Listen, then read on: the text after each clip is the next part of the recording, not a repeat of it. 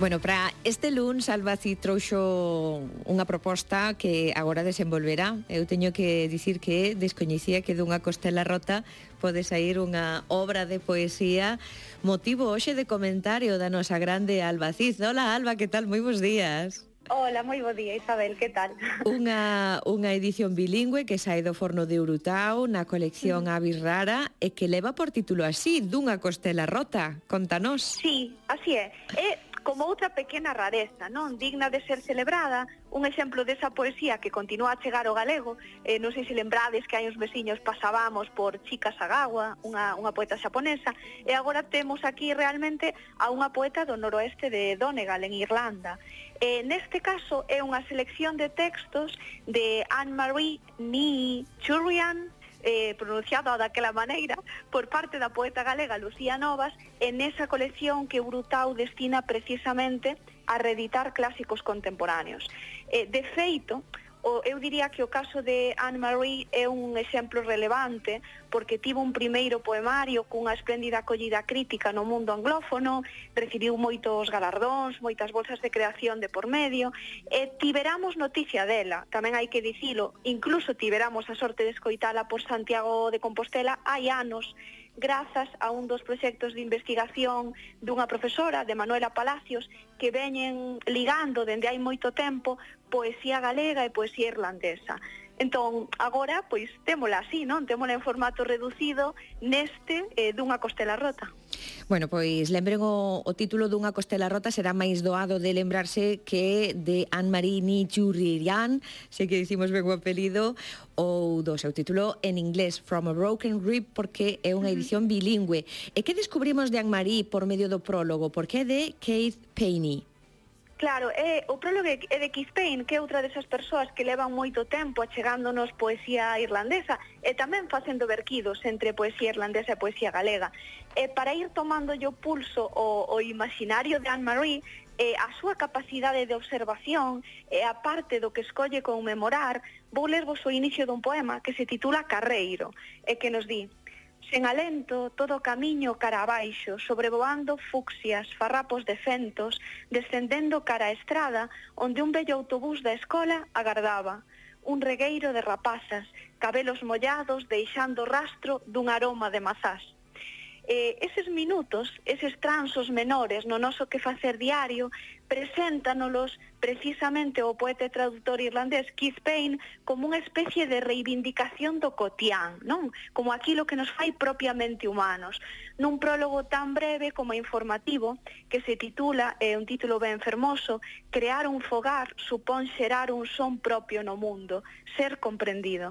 Eh, con todo, eh, hai que dicir que estes mesmos poemas que o poeta tamén norteamericano Franco Jara chamara himnos do banal, son por meses moi sintéticos aquí, pero están punteados de imaxes a través das que se filtran un mundo de implicacións históricas e de implicacións culturais.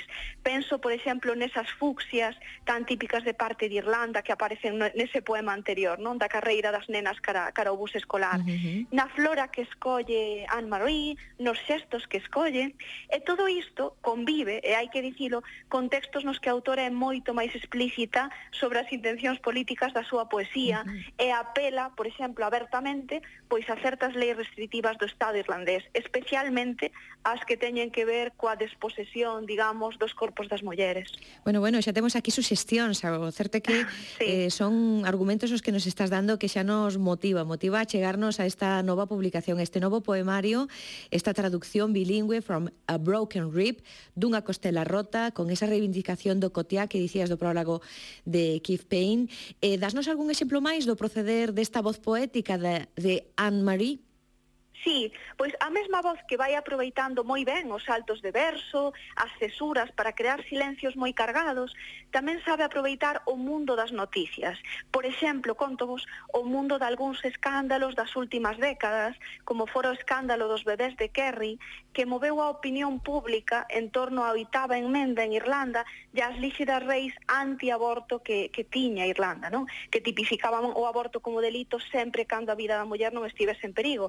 Todo iso provocou un importante debate feminista no seu día, e no poema do que vos quero falar, por exemplo, aparece o corpo desmembrado, aparecen os corpos castigados, aparece a memoria, e esta é unha das, das poucas ocasións nas que a autora coloca notas explicativas, non? O poema chamase O pé de Kerry, vou lervos precisamente o inicio, porque tamén nos deixa ver moi ben o seu modo de narrar pois moi respetuoso, moi oblicuo, digamos, moi sucinto, pero moi efectivo á vez. É un modo de narrar que, por outra parte, nunca esquece referencias míticas, e, de feito, por aí vai aparecer a fortaleza da nai de Osián.